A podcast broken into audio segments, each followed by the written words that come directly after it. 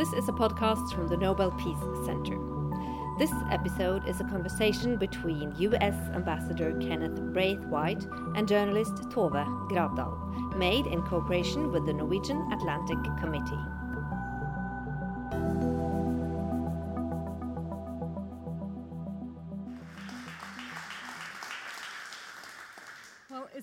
Pleasure to sit here together with you and uh, to have an hour to talk with the American ambassador to Norway. I thought it was two hours.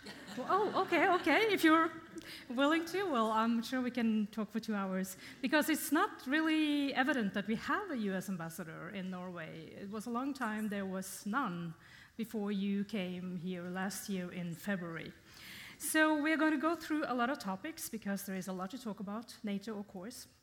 Russia and the Arctic region. We are going to talk about the nuclear arms treaties and uh, the fight against terrorism, peace diplomacy, and multilateralism. All these are important topics for Norway and for the United States. But first, you have been an ambassador now for a little more than a year. So, Am I doing okay? What, what is your relationship to Norway? What was your relationship with Norway before you came here? Before I start, I just want to introduce my wife, who's right here in the front row. And she is a very strong woman from New Jersey. So if anybody beats up on me too bad, what do they say about the wrath of a woman? So, uh, and then my children are here as well. So I just wanted to say uh, it's really great to have them here. Thank you. Mm. It has been an incredible experience. Um, what ties do I have to Norway? I was asked the same question by the uh, United States Senate uh, when I came here. They asked me if I was of Norwegian descent. I said uh, my ancestors came from the United Kingdom after the First World War uh, through Canada to the United States. They settled in uh, the great state of Michigan, where I was born and raised. And if anybody knows their history, there were a lot of Vikings who came from Norway and Denmark down to the United Kingdom back in the day. So I'm sure somewhere in my family tree there's some uh, Norwegian blood somewhere there. But, uh, but had you been um, to Norway before? before I had. So I came here first in 1989. I uh, was assigned to a, U.S. Uh, Navy aircraft carrier. I'm a Navy pilot by background. And we were up to uh, fly some missions in the Vesterfjord and uh, to do a little duck and cover um, in some uh, wargaming with the Royal Norwegian Navy.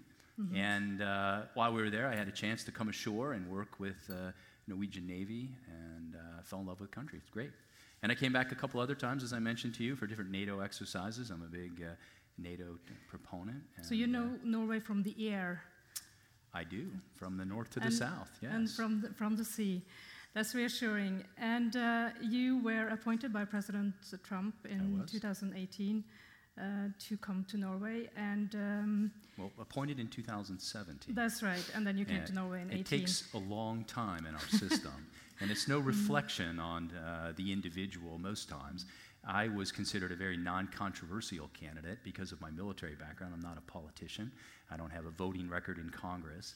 And so the White House originally had slated me to go into the Pentagon to work for General Jim Mattis, who I'd worked for as a Navy captain back at Joint Forces Command. And uh, I get a call from the White House on my way back to Pennsylvania to see my wife and family on a Friday night and they asked me if I would like to be the U.S. ambassador to Norway. Based on my maritime uh, background, uh, my strong uh, experience with NATO, um, and uh, I asked them for 24 hours. Could I talk to my wife? Mm-hmm. I called my wife on the phone, and she said, "Call him back right now and tell him we're going to Norway." Great, that's good. And that's what, my story. Uh, do you know the president personally? Um, I've met the president personally. Um, I wouldn't say that uh, I know him uh, as a, uh, a long term friend and colleague. I had never met him until the campaign, but I was on the campaign with him. Mm-hmm. I uh, spoke on the dais uh, with him, and uh, he's a much different person in person, behind the curtain, than mm-hmm. he is when he gets on the stage. Mm-hmm. And he's a very down to earth. my family has met him. we we're in Pennsylvania uh, with him, and uh, he is much different. Um, and unfortunately, um, people don't really know the Donald Trump that uh, other people get to know um, individually. Well, we've heard a lot about him this week due to the summary of the Mueller report that was published on Sunday. And um, I have to ask you about that because it's, Sure. it's on everybody's All mind right, this we're going to digress from Uh, security, well, but that's okay. We'll come back to security very it always soon. comes back to domestic but politics. in the summary, um, Mueller uh, stated that there was no collusion from the Trump campaign Wow. with the, the Russians who interfered in the U.S. elections. Would you say that uh, Mueller just secured Trump's re-election? Wow, that's a great question. Um, no, I think it'll be a very interesting campaign uh, the next year. Uh, the president is not a politician. Um, he's never run for office before, um, although he loves political rallies. He really, again, this is the showman that Donald Trump is. This is what you see when he uh, steps up on the stage and he engages with people. Um, as uh, I've told several people here in Norway, I now know how Bono feels because I, spo- I was with him and uh, stepped on a stage with 50,000 screaming Americans. Um, and it's unbelievable the way that he connect, can connect with people. Mm. And now with a new slogan, no collusion. Yeah, so, you know, I, I hate to say this, but, uh, you know, we have a lot of conspiracy theorists in the United States that are always looking for the drama, you know? And I think that's human nature in a way. I mean, it goes back to the days of the Romans who brought the Christians to Rome and threw them in the pit with the lions because they wanted to see, you know, uh, the drama, you know, the excitement, other people's suffering. And uh, everybody's always looking for something that will undermine others if they hold somebody in high oh, if somebody has a role of high stature you know everybody believes that okay well there's got to be something that they did that wasn't you know right we saw this you know again i am not a politician um, although i am a registered republican or i wouldn't be here um, we saw this in the 1990s in some of the Clinton investigations. Uh, I worked for a U.S. senator at that time who was the Republican representative at the Monica Lewinsky uh, deposition. And I watched the media and everybody else whip this story into you know, what it became. And at the end of the day, there really wasn't a lot there. But are you saying that it was a conspiracy, uh, the investigation uh, about uh, No, I'm saying, I, I'm saying it wasn't a conspiracy. What I'm saying is, it's, you know, I think that uh, our culture is reflective of wanting to find what it is that will sully somebody else's reputation, whether it's, you know, President Clinton or President Trump or everybody's always looking for that story. And it comes from Watergate. Okay, well, there's there a was lot, a story. th- there is there is a lot to say about this, but uh, what we know about President Trump is that he likes Norwegians. He loves Norwegians. He said so he wants you all he, to come to uh, America. yes, exactly. That's what he said after meeting uh, Absolutely, Prime the Minister, Prime Minister, Solberg last yeah. year. And uh, well, you're industrious people, you're hardworking, you're committed, you're extremely patriotic. So, my daughter was asked last year on the 17th of May, you may have seen her on TV, what her impressions were of Norway. And I think she really summed it up in identifying a very patriotic country. So, we are very patriotic in America as well. If you came to our home in Pennsylvania today, right now, you'd see that the American flag is flying. It flies there every day. And if you drive around America, which I'm sure many of you have, you'll see American flags displayed in quite a lot of places. Well, in my naval career, I've been around the world several times. I've been to 70 odd nations. Rarely do you see a nation display its national colors or take pride in its Independence Day as you do here in Norway. And I would say that you've actually upped the game for us in America. I mean, we're pretty patriotic, and you know, we really go out on uh, July 4th, but I don't think we do it in the totality of how you do it in Norway. And so this is a very patriotic nation. And the president, I saw him do something the other day, you know, and all the cacophony of everything else. You may have seen the clip. I saw it on CNN. He walked out on stage to give a speech, and he stopped. And he didn't do this by design because he doesn't do many things by design. It's just the impulse at the moment. He wraps his arms around the American flag and he hugged it. Because he truly is that kind of a patriot. And he is committed to those ideals. And, uh, you know, again, he's a much different guy behind the curtain than everybody makes him out to be. But we could also say that the relationship between Norway and the United States is very good because Norway is buying so expensive jet fighters from the United States. That's a good thing. Thank Securing you. a trade surplus for the United States. Isn't that right? Well, I think the relationship goes back a lot longer ago than that. Um, you know, I was in Stavanger here trying to just last week, and Stavanger is the uh, port uh, that many uh, Norwegians left for America. And arguably, when you try to identify how many Americans of direct Norwegian descent, I've been told the numbers range from anywhere from 4.7 to 5.2 million Americans of direct Norwegian descent.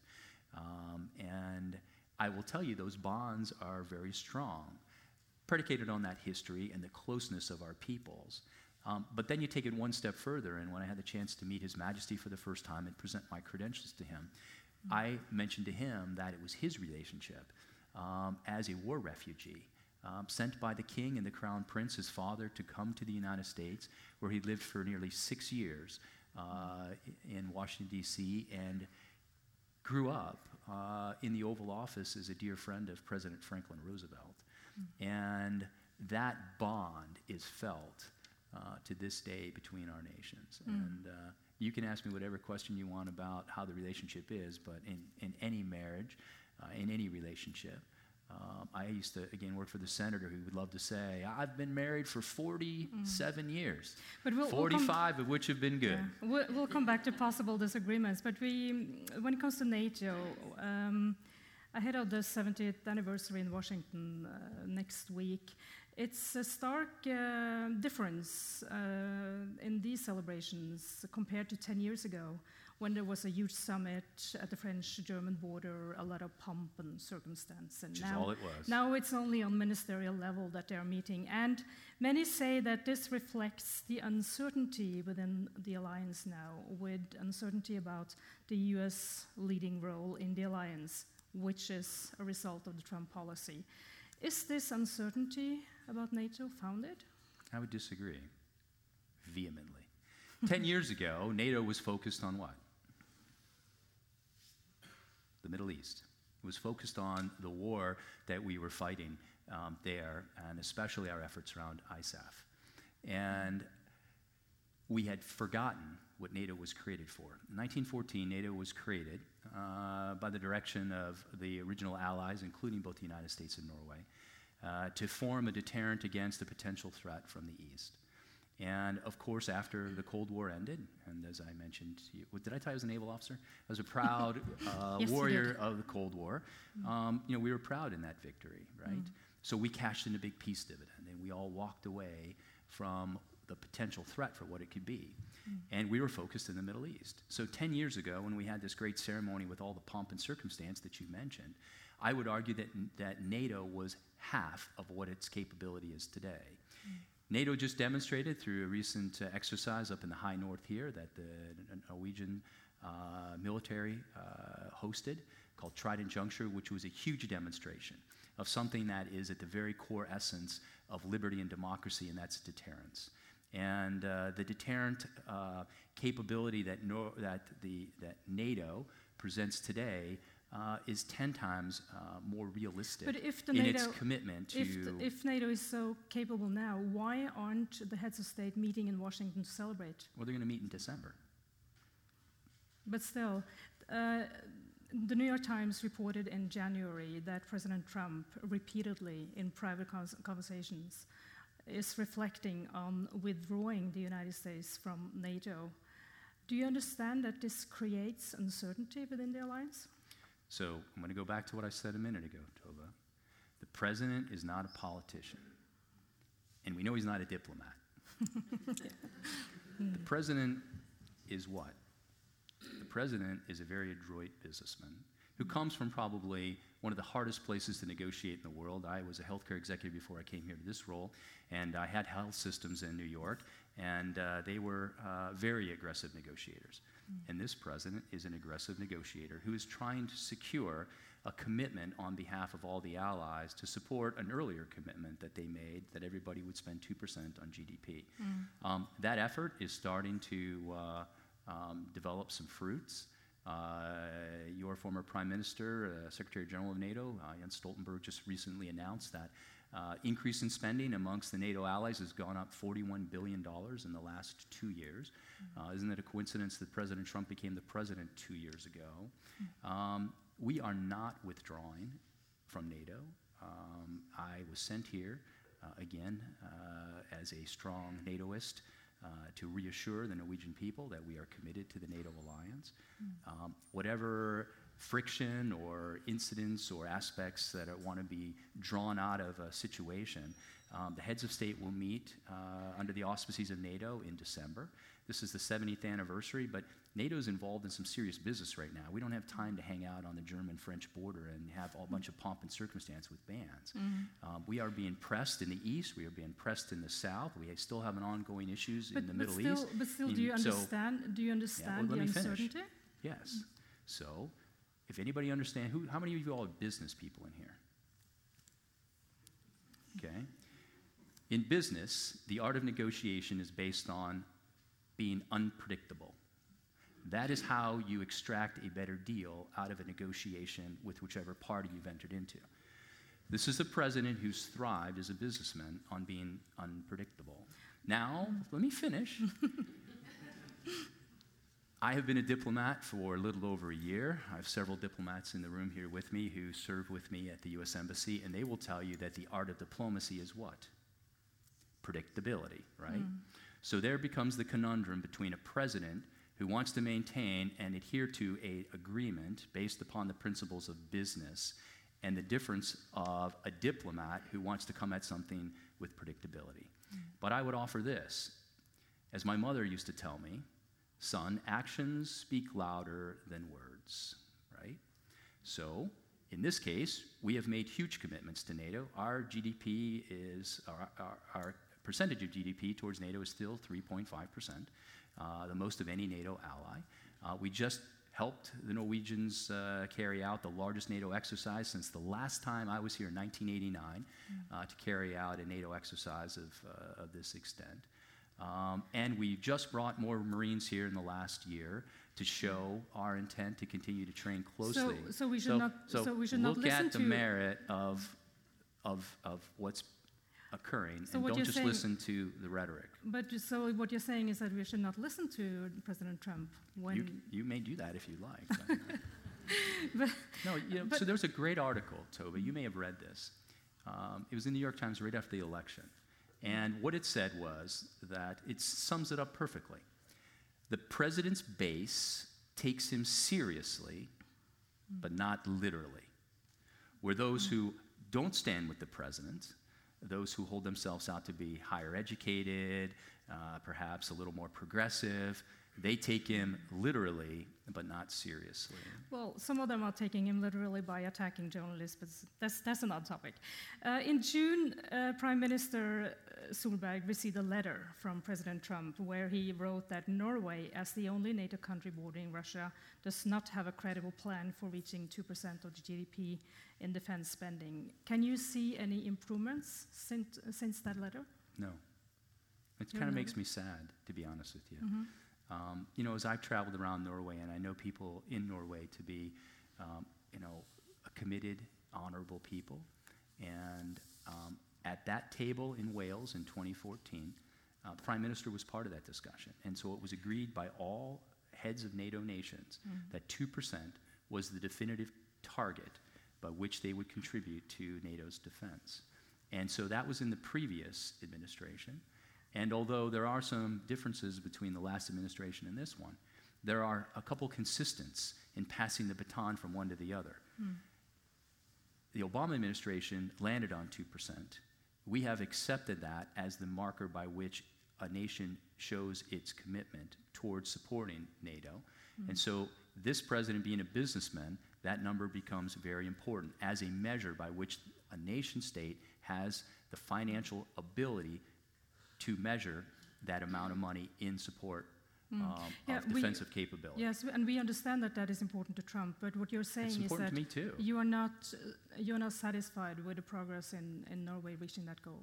No, I'm not. I'm and the not- I'm government's not response to that will be that they have increased the defense budget by 30% since uh, Ms. Solberg took office, That's correct. and that's not enough. Who was in Wales in 2014? Ms. Solberg was the one at the table who agreed to 2%.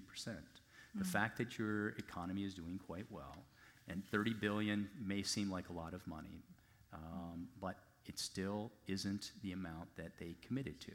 And moreover, Norway is viewed by neighbors in Europe as being more financially capable of contributing uh, a greater amount of money to NATO. And uh, in the failure to do that, it would be one thing that if you had shown progress, Tova, towards the goal. So when I got here, it was at 1.59. Last year, the spending went up to 1.61, hmm. and this year it slipped back to 1.60.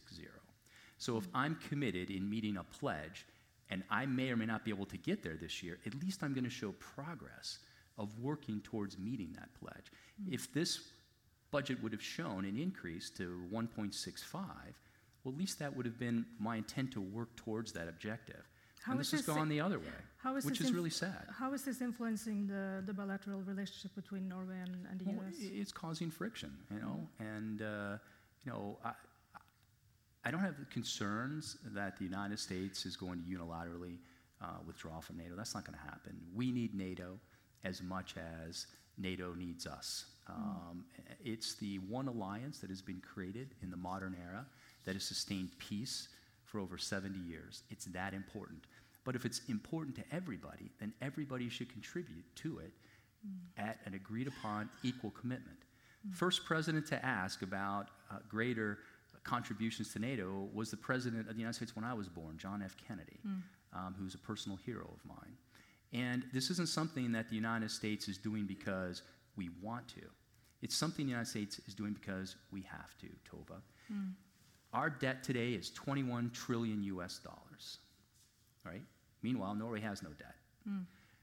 My children and their children will be saddled with this debt if we don't address it today. And hmm. part of that is to honor the commitments that our allies, in whatever space we're operating in, whether it's a trade deal or a defense deal, honors the commitment help America be back on its feet in a better way so that perhaps we could contribute more to NATO. We also heard that Washington is considering billing uh, European allies for hosting American troops in Europe. Will that come to the that. table? The president said The that, president said that, right? Yeah. And what did I say a minute ago? We should not take it president is a businessman. I haven't bought, I haven't purchased a car in Norway yet. Um, well, that's not true. I did, uh, but I bought it from a very lovely gentleman in Fredrikstad. I bought a little British Roadster, um, and the negotiation was very lovely. Uh, it wasn't even much of a negotiation. But in the United States, when you go into a car dealership, it's it's a wicked knockdown, drag out fight. And it all starts with where you position yourself from the beginning of the negotiation. So the president loves to put more cards in his pocket by coming out and saying this, and it's sensational, to hopefully get to this rather than the United States getting this. It's as simple as that. He wrote a book. It's called The Art of the Deal. It's about that big. Yeah, you should read it. Or somebody wrote it for him, but uh, that's also another question. Um, you have 700 US soldiers uh, here in Norway kinda mean. exercising on a permanent basis in Norway. And they're staying here for many years. What are they doing in Norway, actually? So, what's many years? Up to 2023, No, no, what's many years? How long have they been here? they came, I can't remember. Came here in 2017 by the invitation of the Norwegian government um, because we believe in interoperability. 1940, the Allies nearly lost the Second World War because they didn't have interoperability. They didn't know how to work together. They had never really had any exercises or practice together. It caused the British Expeditionary Force to be on the beaches at Dunkirk and have to be evacuated by the hundreds of thousands, right? That's a place we should never find ourselves again. So to have, as a military officer, the opportunity to exercise and to train with your allies is a very smart thing to do. Um, and for 700 Marines to be here provides us a great opportunity to train in an Arctic environment that arguably we have back in Alaska. We are an Arctic nation. Um, but we don't have the subject matter expertise that you all have in the Norwegian military to be able to train to the same level. So we were invited here at the uh, invitation of the Minister of Defense, your current foreign minister, to begin to have the opportunity to train with your forces. And it has been a wonderful experience, uh, I think, for both sides. Um, I have been up there to Værnes and uh, Setermoen uh, several times. I've met with both the Norwegian forces involved in training the Marines. I've met with the Marines. um, it's a wonderful, wonderful outcome Would you see with no it's a- incidents. Would you see it's a permanent American base in Norway? This can't be a base. So, by your agreement to be part of NATO, um, you know, the definition of a base means that the United States would own the land and would, or at least lease the land and uh, provide all the capital improvements for a base like we do in Germany. Um, you know, the media loves to say we have this base. The base is not a base. It belongs to the Norwegian government. It belongs to the Norwegian military. It belongs to the Home Guard, actually. They're the ones that uh, support it. They're the ones that fund it. They're the ones that paint it. Um, our troops come here for about six months, a little less than that, to train, and uh, then they go back home to the United States. And uh, so, your definition of a base, I'm not so sure of.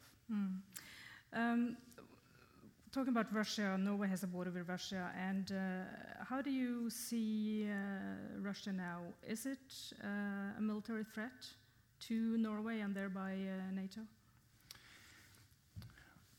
you know, I've said this before. Um, I don't see Russia as the, the threat that everybody uh, measures them as.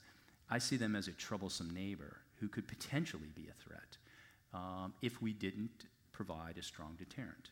That's why it's so important to stand together um, as a strong alliance uh, under the auspices of NATO, having the interoperability of working together to provide that deterrence. Um, that's being a smart, uh, vigilant um, nation state. And so um, Russia feels um, it's in their best interest to remilitarize uh, the high north. I would think that that's counterproductive, so it comes back to being perhaps threatening but more troublesome. Do I think that the Russians are going to come across the uh, border in Finnmark? No, I do not think that. As long as the United States Norway, and all the other uh, 27 uh, NATO nations stand together in a committed alliance. Mr. Putin's a very smart man. Why did he take Crimea in 2014? You asked me a little while ago that NATO was more capable back 10 years ago. I would tell you the reason he took the Crimean Peninsula in 2014 was NATO was not as capable in 2014 as it is today, and therefore it's a low hanging piece of fruit. If I were Vladimir Putin, I'd probably gone on there and plucked that apple off the tree as well. Um, today, uh, I don't think you'd necessarily find that. Uh, some of the pressures and the pushing back and forth, um, you're going to continue to find that. It's Russia wanting to exert its influence as a great world power, and I'll say that again. The Russia uh, today is a great world power.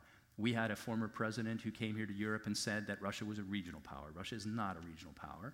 Uh, Russia is one of the great states of the world. And uh, um, again, we stand toe to toe with them, and as long as we have a strong uh, capability under the auspices of NATO, that's a strong deterrence, we'll continue to have a healthy relationship with Russia. You chased the Soviet submarines as a naval pil- did. It was a pilot in the 80s. And but now we hear that Russian submarines come almost all the way to the, to the US coast. Uh, Well, just in the last few years, uh, Yeah, you know, they started that- to flex their muscles. Well, why? In the last administration, the defense budget was cut to the point where we don't have today the same subsea capability as we did 15 years ago. And so when one nation feels it has the opportunity to flex its muscle, um, and again, a nation state like Russia wanting to reclaim you know, some of the glory of the former Soviet years, you're going to see that. They're going to be much more overt. But if we had a more capable defense, and in this administration, we have put um, a lot more money into defense to beef up our capability so that we will be able to provide that deterrent. And my guess would be in a few years, you won't find as many Russian submarines patrolling off the Atlantic coast of the United States. But this administration has also withdrawn from the INF treaty, and uh, Russia has done the same thing. So that treaty is dead, and We it hope not. regulated. We it reduced the medium-range uh, missiles in Europe, which meant a lot to European security. Does that increase insecurity in Europe? Um, I don't think it increases insecurity. I think it makes it more problematic in that, you know, the INF was a good, solid treaty, and uh, until the Russians decided to deploy the uh, SSC-8 uh, immediate range missile, uh, 500 to about 5,000 kilometer capability, um, they violated the uh, uh, they violated the treaty. And uh, this is one of the other batons. Remember, I told you the 2% was the one baton. The second baton is this in that the Obama administration approached Russia uh, in uh, 2014, 2013, um, challenging them and showing the data um, that the Russians had this capability, which they continued to deny, and they continued to kick the can down the road. This president came in and, very reflective of Ronald Reagan, said, No, we're not going to stand for this. And we do believe what the Obama administration tried to do here to get the Russians to adhere to this um, treaty, and the Russians uh, um, continued to deny. And um, so we decided that a treaty is only as good as the agreement between the parties that are part of the treaty. Mm. So if only one party of the treaty is adhering to the aspects of the treaty, then what kind of treaty do you have? Um, so, in order to, again, drive the Russians back to the table, we felt that we had to uh, um, exercise our rights under uh, Article 15 of the treaty to begin the withdrawal process. But why not negotiate about it first? We tried. We've been trying. 30 engagements at all levels, from the president uh, on down, have attempted to negotiate with the Russians. And they continue to uh, uh, deny that they have this capability. Well, we don't know if, and, if and Trump so, discussed and so, so, this is a perfect example of multilateralism. Um, all 29 NATO nations stood with the United States, repudiated uh, Russia's claims, and mm-hmm. upheld our desire to withdraw from the INF Treaty. So that's multilateralism. That talks to the strength of the alliance, um, and it also talks to the merit of the decision that the United States made. Mm. And an even more important uh, treaty is the START, the New START treaty, which, which expires in 2021. 2021, February. And uh, as far as I know, there are no negotiations that have started in in uh, renewing that agreement, which is important to uh, to reducing the nuclear threat in the world. Yes.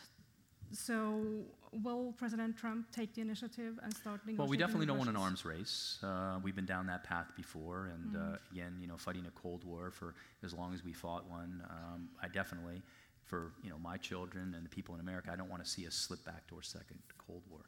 So uh, the treaty is uh, upheld through uh, February of 2021, as you just indicated, and uh, and I am sure there will be an effort to again, secure uh, an extension. Um, right now, we're adhering to the treaty.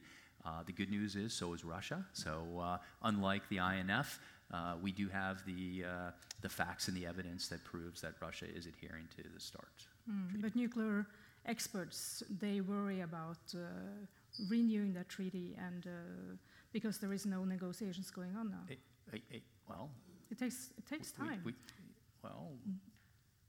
not if you already have the template by which the agreement has been made. And again, you can look at any issue and say, well, you know, a month is not long enough, two years isn't long enough. Again, to create the drama around that is just a disservice to the security of people. Mm-hmm. You know, I mean, again, whether you talk about uh, commitment around NATO or you talk about uh, an arms race, I mean, that's just, I think, irresponsible, to be very honest with you, and mm-hmm. very forthright. Mm.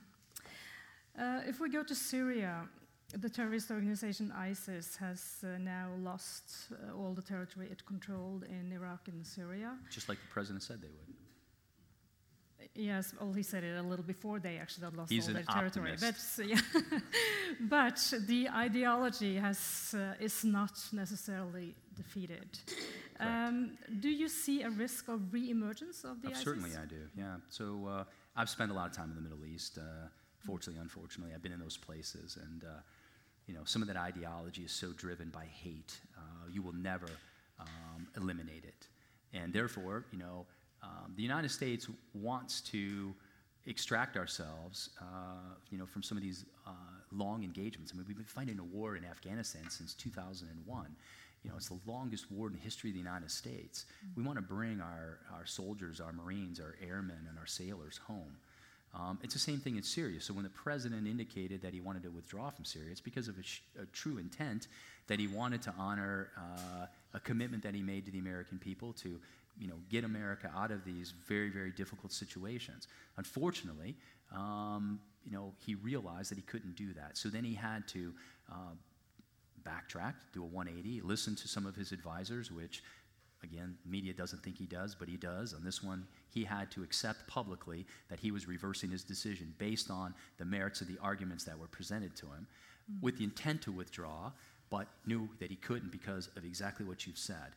And therefore, we have now found ourselves in a situation that the United States will probably have to have a presence for as long as you and I are on this planet, uh, which is a very, very sad reflection on the state of affairs in that part of the world. But he's still planning to withdraw a large part of these 3,000 soldiers in, Sure. in So, Syria. you know, we've taken back the territory. I don't think we need the same footprint, uh, but we need to remain vigilant. If we had been vigilant in Pakistan and Afghanistan in 2001, there would never have been a September 11th. But we cashed a big, huge peace dividend in the 1990s. So we weren't present. We didn't have uh, uh, awareness of a situation that then emerged. Well, we're not going to allow that to happen again, not on this watch. But uh, President Obama was also keen on withdrawing Absolutely, U.S. troops, absolutely. and he did when he did that in 2011 from Iraq. Absolutely. He was heavily criticized by Republicans by having done that prematurely. Right.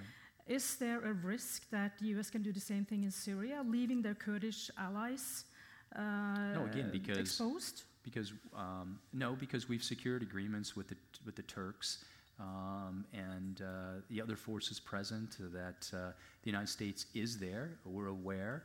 Uh, you know, we're monitoring. We're working. Um, you know, I, I, think that the outcomes uh, will be better with the U.S. presence there than they would without. So, you know, I uphold uh, those. They advise the president to continue to have a U.S. presence there.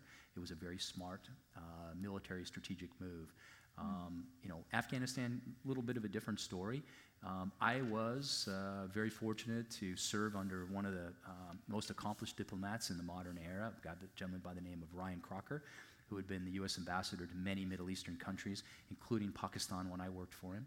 Um, he and I, uh, he was my speaker at my retirement ceremony from the Navy, and he and I had lunch shortly before then uh, to talk about the day and, uh, you know, exciting to end one chapter, begin another. And um, I had had many discussions with him about the answer to Afghanistan started with the Taliban in mm. negotiations with the Taliban, mm. which the U.S. had labeled as a terrorist organization, which, if you trace back the roots of the Taliban, they aren't a terrorist organization by design, although they harbored terrorists and they allowed terrorist organizations to man, equip, and train in 2011, 2012, Ambassador Crocker went to A- Afghanistan to begin to negotiate what is emerged today as the beginning of this peace process, which has brought the Taliban to the table. Which means that the. Americans are meeting uh, We're Taliban trying to. directly in Doha. We, we are trying to. It's The hard thing is to get the Afghanis, you know, um, in a concerted effort to come to the table representing all the factions. If you've been to Afghanistan, um, you would know that Afghanistan is a uh, feudal tribal system of warlords that has really no centralized government. The government that does exist in Kabul doesn't necessarily represent the interests of uh, those governing bodies throughout the, the country. And of course, then the Taliban adds another element into that. Um, it is a very complex situation that any Monday morning quarterback can sit back and say, okay, well, this is the answer. The answer is to open up conversation and to begin to have dialogue so that all parties, if they truly want to embrace peace, will. But is but there- getting everybody to the table has not been something that anybody's been able to do. No, exactly. And uh, is there any point in a direct US Taliban dialogue, uh, which is uh, uh, where the, uh, the Kabul government doesn't take any part? They, they Right. dislike it. Of course they do. So if uh, the United States negotiates with the Taliban and uh, there's peace declared in Afghanistan, if you know the history of Afghanistan, the last time that happened, when the Soviets withdrew in 1980, eh, the government in Kabul collapsed and uh, it was overrun by the Taliban, and civil war ensued for a couple years until the Taliban took control of Afghanistan for the next 20 years. So we are looking in the mirror uh, the same history that could repeat itself. So, what would be the interest of the government in Kabul to want to see themselves potentially, you know, left out there exposed to, to the potential of a civil war?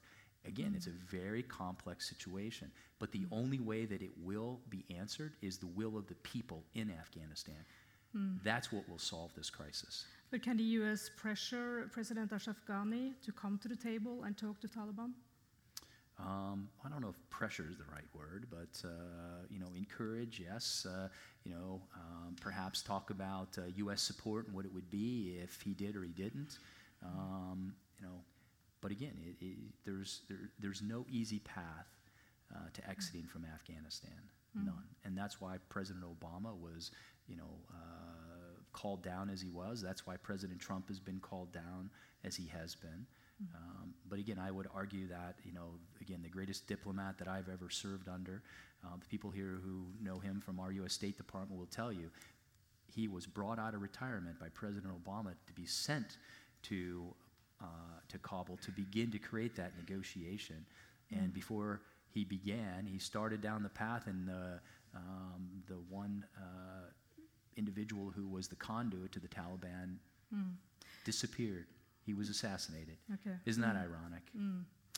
Um, Nor- Norwegian diplomats they started back in 2007 to have uh, to facilitate talks, secret talks between Taliban and uh, and the Afghani government. Uh, it didn't lead anywhere, but uh, can Norway play a role in, um, the dialogue in Afghanistan now? I think Norway has an incredible history of being in this space. You know, whether you look to Colombia or Sri Lanka, um, you know, the uh, the Norwegian will to be uh, a conciliator uh, is part of one of the most beautiful things that is reflected in your culture. And uh, you know, I'm not, I'm not sure. I mean, uh, I, I would love to see, you know, peace secured by whatever means we could, whether it's in uh, Afghanistan or in Venezuela. So, uh, who knows? And, and uh, no, the Norwegian peace diplomacy has always been in concert to a large part with uh, the US uh, government. And it has also been an important way for the Norwegian government to, uh, to have a very close contact with, with the US government. Is this still the case?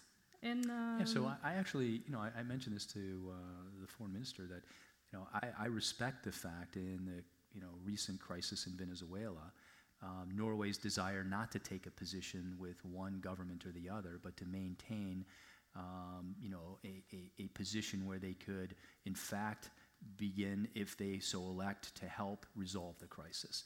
Now, you know, where we are, in our multilateralism in that effort, as you know, was directed to a lot of our allies who, like the UK and France and Germany, they joined with us to support uh, um, the Guaido government. Um, and, uh, you know, Or- Norway decided not to.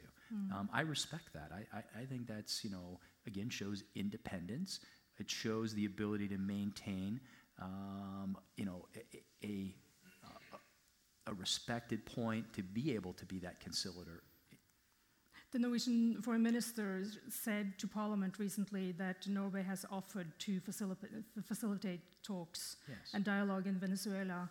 Is the United States supporting uh, such an effort? yes. In what way? Well, I just said, I think, uh, you know, we see Norway, um, again, as we were very frustrated. I'll be very forthright. I mean, we wanted you to join, you know, with us and uh, support the Guaido um, effort um, and call for new elections. Um, and Norway decided not to do that for the aforementioned reasons. So, and again, that keeps you in a place to be able to be uh, that arbiter, to bring parties together. And, uh, you know, I, Ken Braithwaite, personally salute Norway and the government of Norway for maintaining that position in deference to what my country and I professionally wanted them to do. So, does that answer your question? Well, I understand that you have accepted that Norway by not uh, supporting Juan uh, Guaido as the, the president of, of Venezuela, that you are that you think that Norway can play a role in a dialogue, a national dialogue. I hope. Venezuela. I think anybody in America, if you were to ask them, would say that. Yes, we hope. You know, whether we're going to help orchestrate that or not, that's not, uh, you know, in, it's not in my swim lane. Um, And uh, however Norway decides to unilaterally engage with either side, that's up to the government of Norway to determine, not the United States. And that's both personally and professional opinion. Are you excluding a uh, U.S. military intervention in Venezuela? You know, my job's to be the U.S. ambassador in Norway. I get my hands full on that one. Uh, I was just up with uh, the cruise line uh, yeah, um, potential. Uh, uh, um, would have been a horrific thing, but um, the Norwegian mariners once again proved, uh, you know, just how great of sailors they are. It was an incredible, incredible outcome, and uh, as you and I talked about before.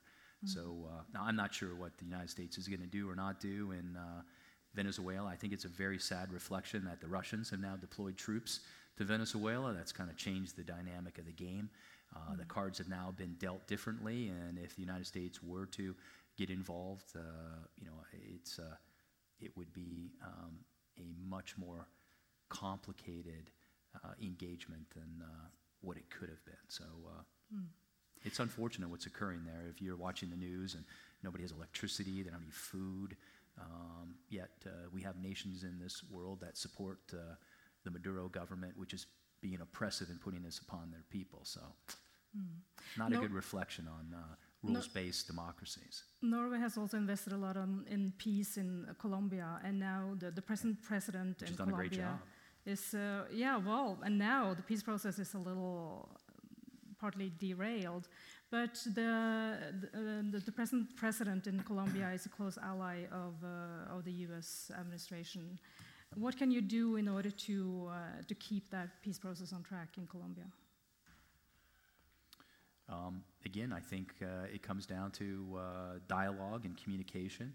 Um, it comes down to understanding uh, particular parties and making sure that uh, uh, conflicting viewpoints, uh, different parties are brought together. Um, you know, I think that would be in the interest of everybody, especially in that little part of, uh, of South America. But again, that's not something that uh, you know I've been uh, watching as closely as I've been watching other things lately. So. Just the last question on, on peace diplomacy. Can Norway, after the failed US North Korea summit in Hanoi, can Norway play a role Failed? in, well, Failed? they didn't come out with any agreement Is this that time. failed? That's a kind Um, of strong word, Tove. Failed? I'm a journalist, you know. Failed? Um, my question. That's irresponsible. no, no, I go back. You know, you know I, I got to say, since I have been in Norway, my last job in the Navy, I was the Navy spokesman, right? I talked to media all over the world. And when I got here, one thing that I was really pleased about was the professionalism of your journalism corps. You still adhere to a standard that we don't adhere to in the United States. We don't try to inject drama in, and, and, and, and color into the dialogue like they do in the United States. You don't do that here. So to say it hmm. failed, that's kind of a strong statement. You know, I'm sorry, I can't let that one go. You know, The- the failure summit- means that it's over, that you walk away and it's done, right? Hmm. This isn't well, done yet. Let, let's say No? there is and are you a business person? No, definitely I'm not. a Not- businessman. yeah. And I will tell you the worst thing to do is to sign an agreement when the agreement is not in your best interest. Mm. This president was strong, Tove, to walk away from the table Mm. when the aspect of the agreement in front of him would Mm. not have been not only to the best interest of the United States, but it wouldn't have been to the best interest of the Japanese or to the South Koreans or anybody, including the Chinese. And what it showed is he was willing to take a domestic hit because it would have been great for him to sign that document, go back to the United States in the midst of the outcome of the Mueller investigation and everything, and say, look it, I'm the one who secured a deal with North Korea. But that means that there, just there is hope for that means there is hope for a further process. And There can countries like Norway and Sweden play a role in facilitating a, a further process between the U.S. and North Korea? Well, look at, you know, like I said when I came here, uh, Marco Rubio asked me if I could learn anything from Norway. And I said, you can learn from some anybody. I learn something from my son, you know, every day. He tells me something uh, new that I didn't know before. I mean, you can always learn from people. And uh, in this instance, I think uh, the United States has uh, got a handle on the situation. Um, where it would help to uphold sanctions against North Korea, I think is a good thing. It puts pressure on uh, Chairman Kim to come to the table. Um, and I do believe that uh, there is real promise on the North Korean peninsula, which there hasn't been uh, since uh, the war ended in 1953. This is the first president to ever engage with the North Korean leader. And if anything could come of it, what did we talk about a minute ago when you asked me about Colombia? It's the dialogue, it's the conversation. And when you open up that, you then present the opportunity to secure something that's to the benefit of not only both parties, but to all concerned parties. But so in this enough- case, mm, yeah. we still have an opportunity. We haven't failed, the door's still open. The president mm. said, you know, that he thought that, uh, you know, there was a potential of North Korea to be a friend to the United States, that mm. he felt very strongly that there was an opportunity to, you know, not only secure peace, but to bring North Korea into a world order, and that they would economically benefit greatly from that. Mm. That's promising. There, Yeah, that's optimism. That's American optimism. He's very friendly with uh, the North Korean dictator, and he's very harsh. he's, he's very friendly with, with Well, President Macron, too. he's- I remember well, that. He's, He- yeah, but he's, he's a huggy guy. I tell you, he's he's, he's me. pretty So, harsh uh, with wi- uh, his my ally Angela Merkel. Um, Is this still only rhetorics? We should not listen to him? well, I didn't say don't listen to him, but you have to understand that, you know, people, organizations, companies, countries do many things that may on the surface not appear to be as direct as what you first interpret them to be.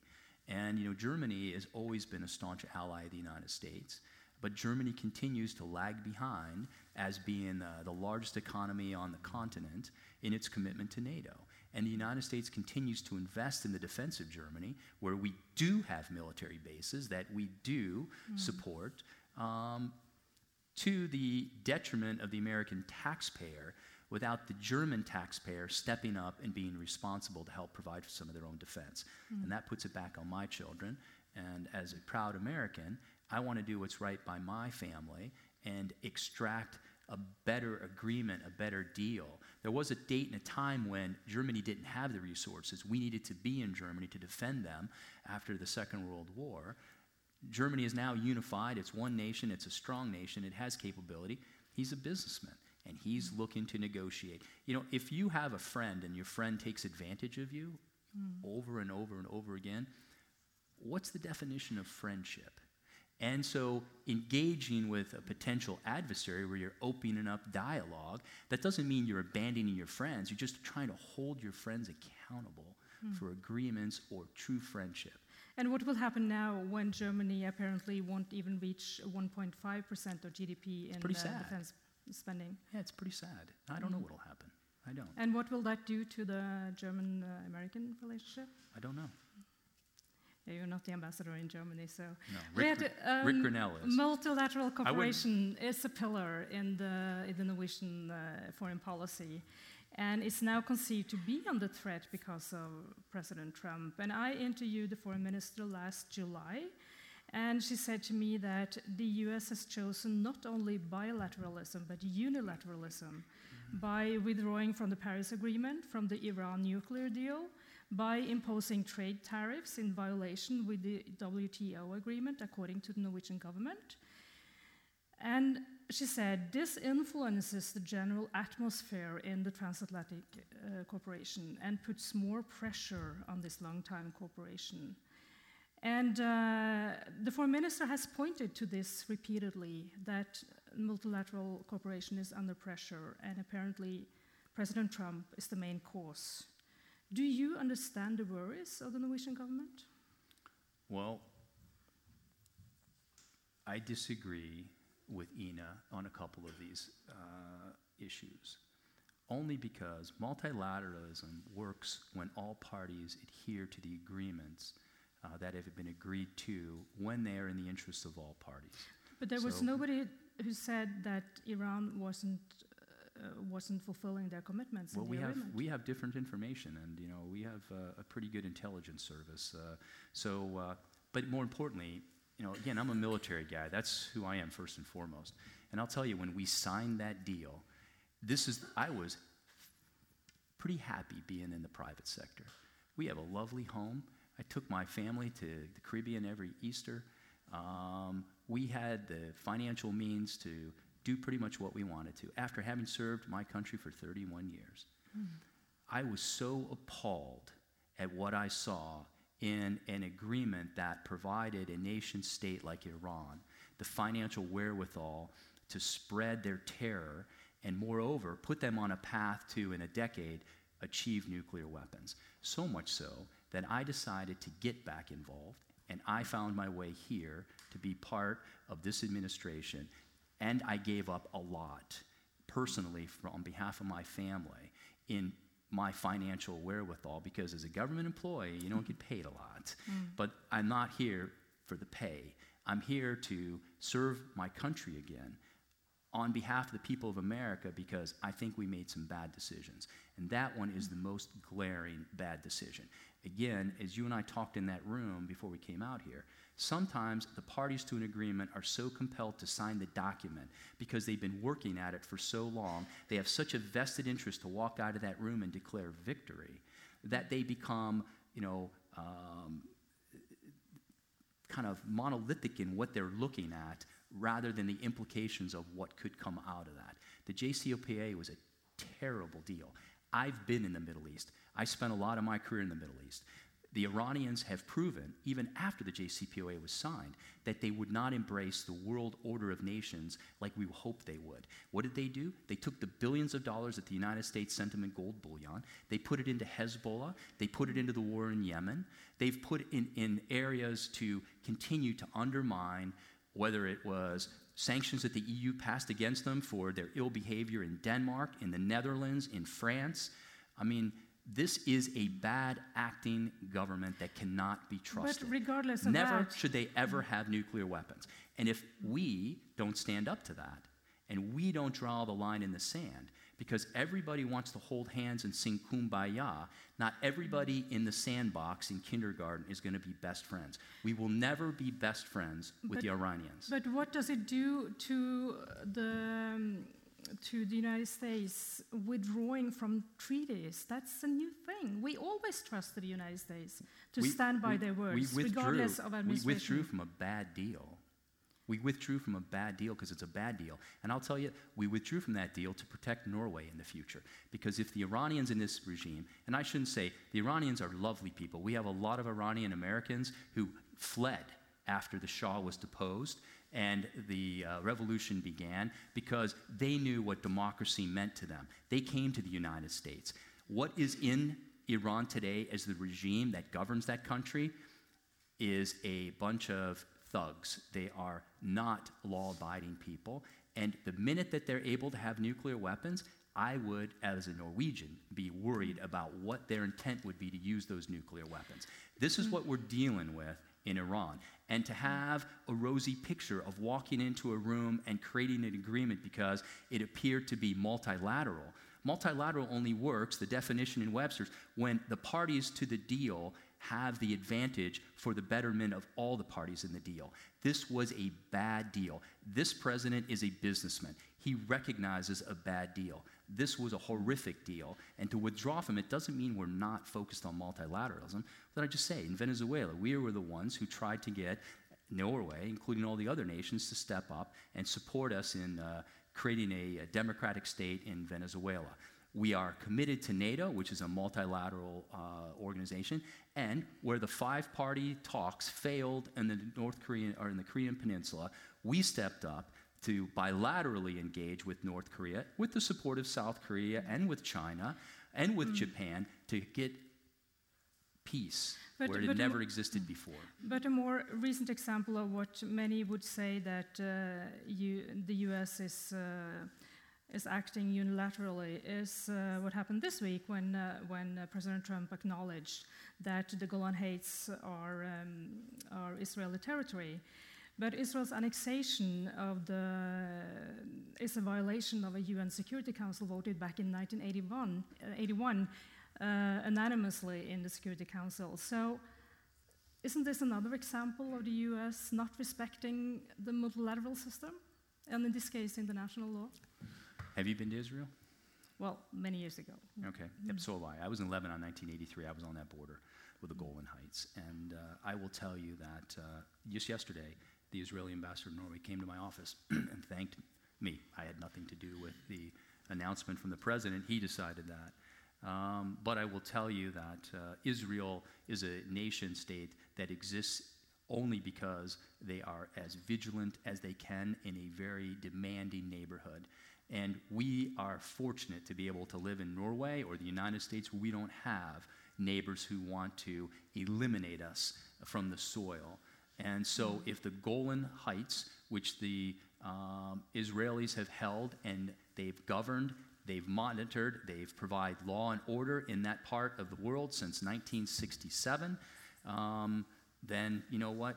Maybe we need to look at things a little bit differently. this is And, what the uh, Russians can you say about Crimea maybe 20 no, years from now. That's, that's completely, that's, okay, so what's the difference there? Come on, Tove. The difference is, right, the, the Syrians invaded Israel in 1967 at the same time that they were fighting a war on the south against Egypt, and the Israelis were good enough to be able to fight a two front war and be able to take the Golan Heights from Syria. That was an aggressive act on behalf of uh, Mr. Assad's father. Flip that around and go to the Crimean Peninsula. Russia stepped in. Nobody asked them to step in.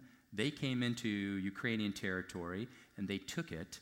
Um, the Ukrainians, was no war, there was no fight, um, and it wasn't in the same nature as what evolved in Israel.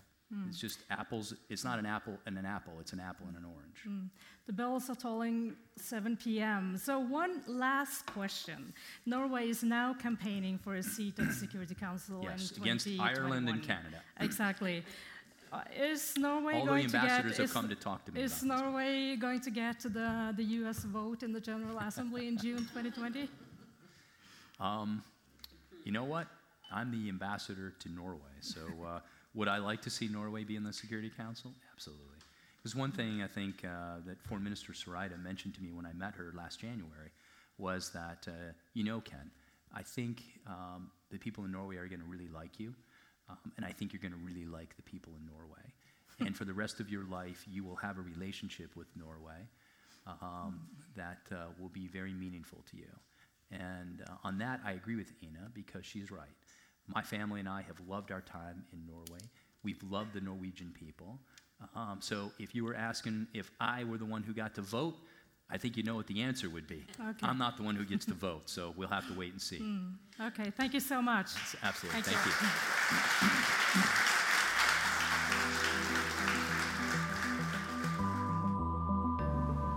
Thank you to Tove Gravdal and Ambassador Kenneth Braithwaite, and to our partners in the Norwegian Atlantic Committee.